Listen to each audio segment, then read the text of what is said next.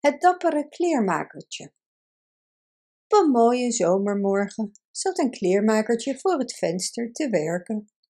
Hij was vrolijk aan het naaien. Toen kwam er een boerenvrouw de straat in, die riep: Verse vruchtenjam te koop, verse vruchtenjam te koop. Dat klonk het kleermakertje heerlijk in de oren.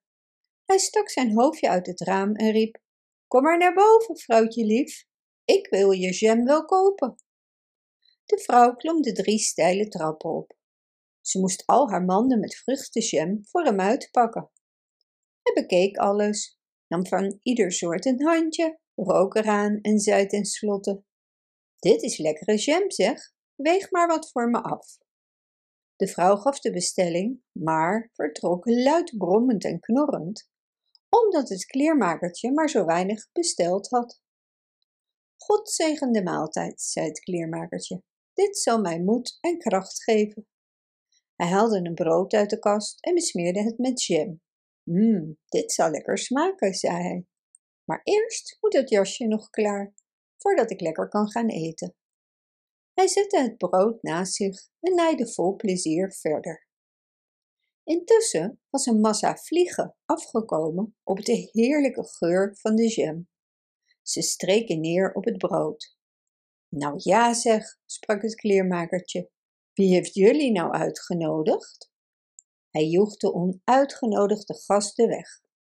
Maar de vliegen lieten zich niet wegjagen en kwamen juist met meer terug. Toen was het kleermakertje het zat. Hij pakte een grote lap uit zijn stoffenvoorraad en sloeg erop los. In één keer sloeg hij niet minder dan zeven vliegen neer. Wat ben je toch een held, zei hij tegen zichzelf.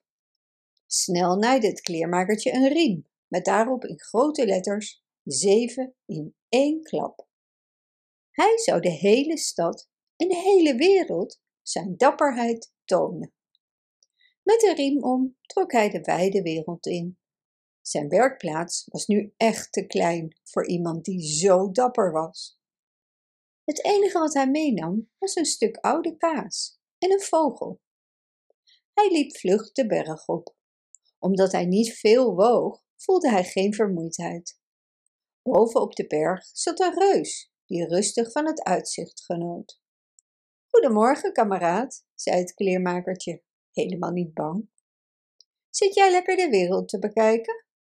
Ik ben juist op weg naar de wijde wereld, om daar mijn geluk te beproeven. Zin om mee te gaan? Arm dom kereltje, zei de reus verachtelijk. Dat kun jij denken, ja, maar hier kun je lezen hoe dapper ik ben. Het kleermakertje liet zijn gordel met zeven in één klap zien. De reus kreeg nu toch wel bewondering voor hem. Hij dacht namelijk dat het kleermakertje zeven mensen in één klap kon neerslaan. Toch wilde hij hem op de proef stellen. Hij nam een steen in zijn hand en drukte die in elkaar, zodat het water eruit droop. Doe me dat eens na, zei de reus. Dat is een makkie, zei het kleermakertje. Hij greep in zijn zak naar de kaas en drukte deze fijn tot het vocht eruit liep. De reus kon niet geloven wat hij zag. Toen pakte de reus een steen en gooide hem heel hoog in de lucht. Nou jij, kleine, doe me dat maar eens na. Goede worp, zei het kleermakertje. Maar jouw steen viel weer terug op de aarde. Ik zal er eentje zo hoog opgooien dat hij niet meer naar beneden valt. Hij greep in zijn zak, pakte de vogel en gooide hem omhoog.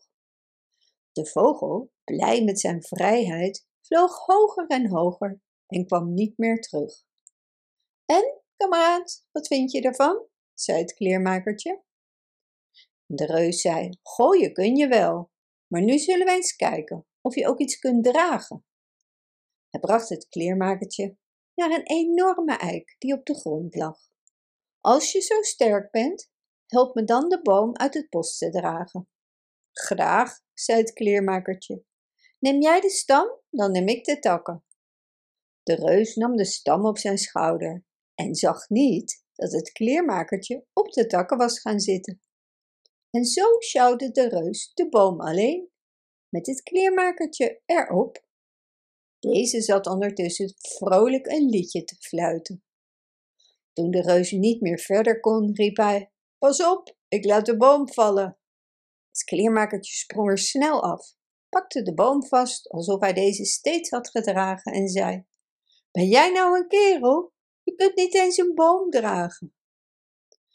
Toen kwamen ze langs een kersenboom. De reus boog de hoge takken met de sappigste vruchten naar beneden en zei dat het kleermakertje moest eten en de takken vasthouden. Maar het kleermakertje was niet sterk genoeg. Hij vloog mee de lucht in toen de reus de boom losliet. Toen hij weer op de grond stond, zei de reus: Zie je wel, je bent niet sterk genoeg. Dat denk jij. Maar ik ben over de boom gesprongen, omdat er jagers aan het schieten zijn. Spring jij ook maar.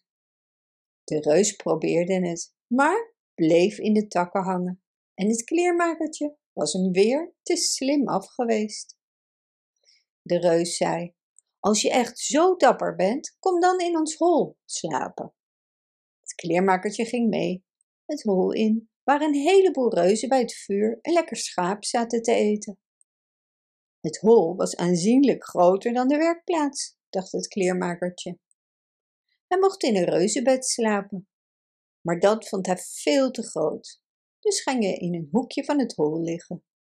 De reus dacht dat hij wel in het reuzenbed lag. S'nachts kwam de reus en sloeg het bed doormidden.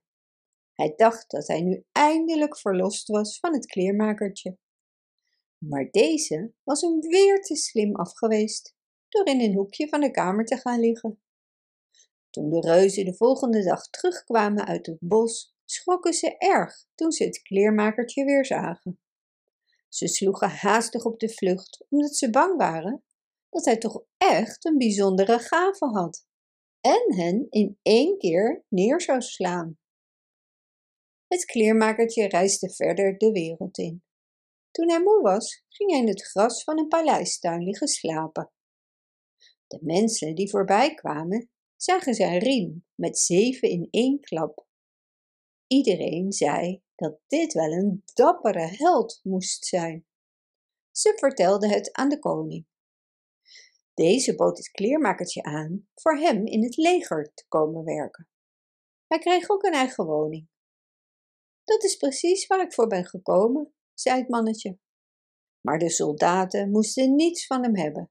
Ze waren bang dat hij er zeven in één klap neer zou slaan. Ze namen meteen hun ontslag bij de koning. De koning was bedroefd, maar hij durfde het kleermakertje niet te ontslaan. Ook hij was bang. Na lang nadenken stuurde hij hem een boodschap.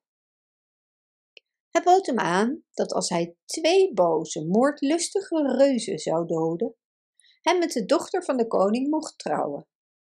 Verder zou hij het halve koninkrijk als bruidschat krijgen en honderd ruiters.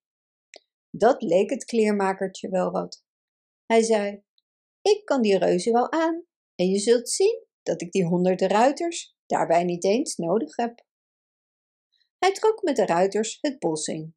Daar lagen de twee reuzen onder een boom te slapen, en ze snurkten zo hard dat de takken heen en weer gingen. Het kleermakertje vulde zijn beide zakken vol stenen en klom in de boom. Hij gooide vanaf een tak de stenen op de borst van een van de reuzen. Eerst merkte de reus niets.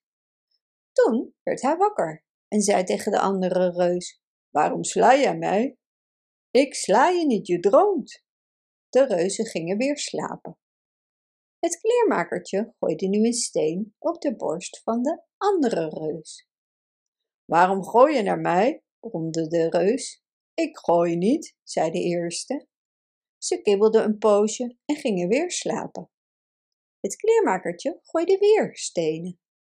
De reuzen kregen enorme ruzie en ze trokken daarbij zelfs bomen uit de grond. Gelukkig niet de boom waarin het kleermakertje zat. Deze trok zijn zwaard en gaf de reuzen een paar ferme slagen tegen hun borst. Tegen de ruiters zei hij dat hij de reuzen had gedood. De ruiters vonden de reuzen in het bos badend in het bloed, te midden van de uitgerukte bomen. Het kleermakertje ging naar de koning om de beloofde prijs op te halen. Maar de koning had spijt van zijn belofte en eiste eerst nog een heldendaad. Hij moest een eenhoorn vangen in het bos. Geen probleem, zei het kleermakertje.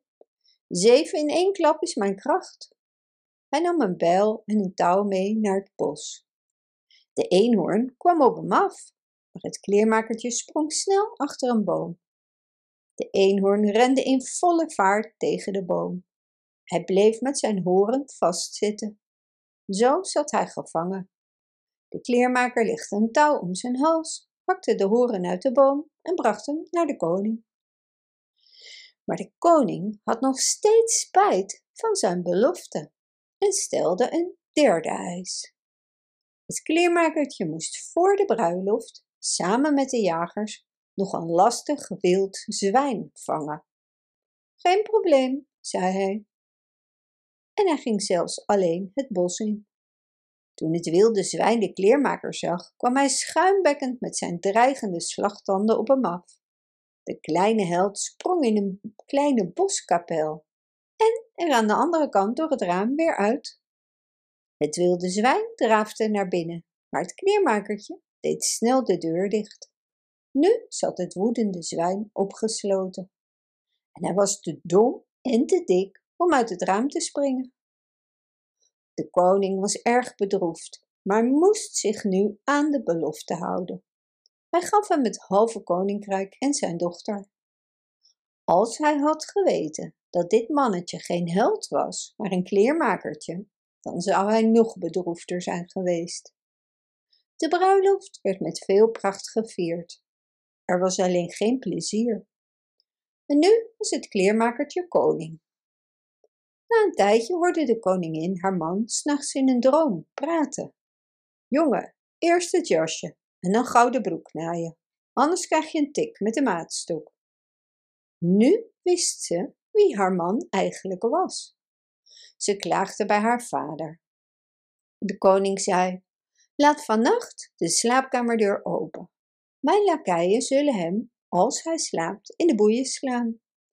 Hij zal op een schip gezet worden en de wijde wereld invaren. Een van de lakeien, die de jonge koning aardig vond, had alles gehoord en bracht het kleermakertje op de hoogte van het plan. Daar zullen we een stokje voor steken, zei het kleermakertje. S'avonds deed hij net alsof hij sliep. Zijn vrouw zette de deur open. Hij deed weer alsof hij sliep en riep: Jongen, eerst het jasje, dan de broek naaien. En anders krijg je een tik met de maatstok. Zeven sloeg ik in één klap. Twee reuzen heb ik gedood, een eenhoorn gevangen, een wild zwijn gevangen. Denk je dat ik nu bang ben voor die lakeien voor de deur? Toen de lakeien hem zo hoorden, sloeg hij hen de schrik op het lijf. Ze sloegen op de vlucht en kwamen nooit meer terug. En zo was en bleef het kleermakertje zijn hele leven koning.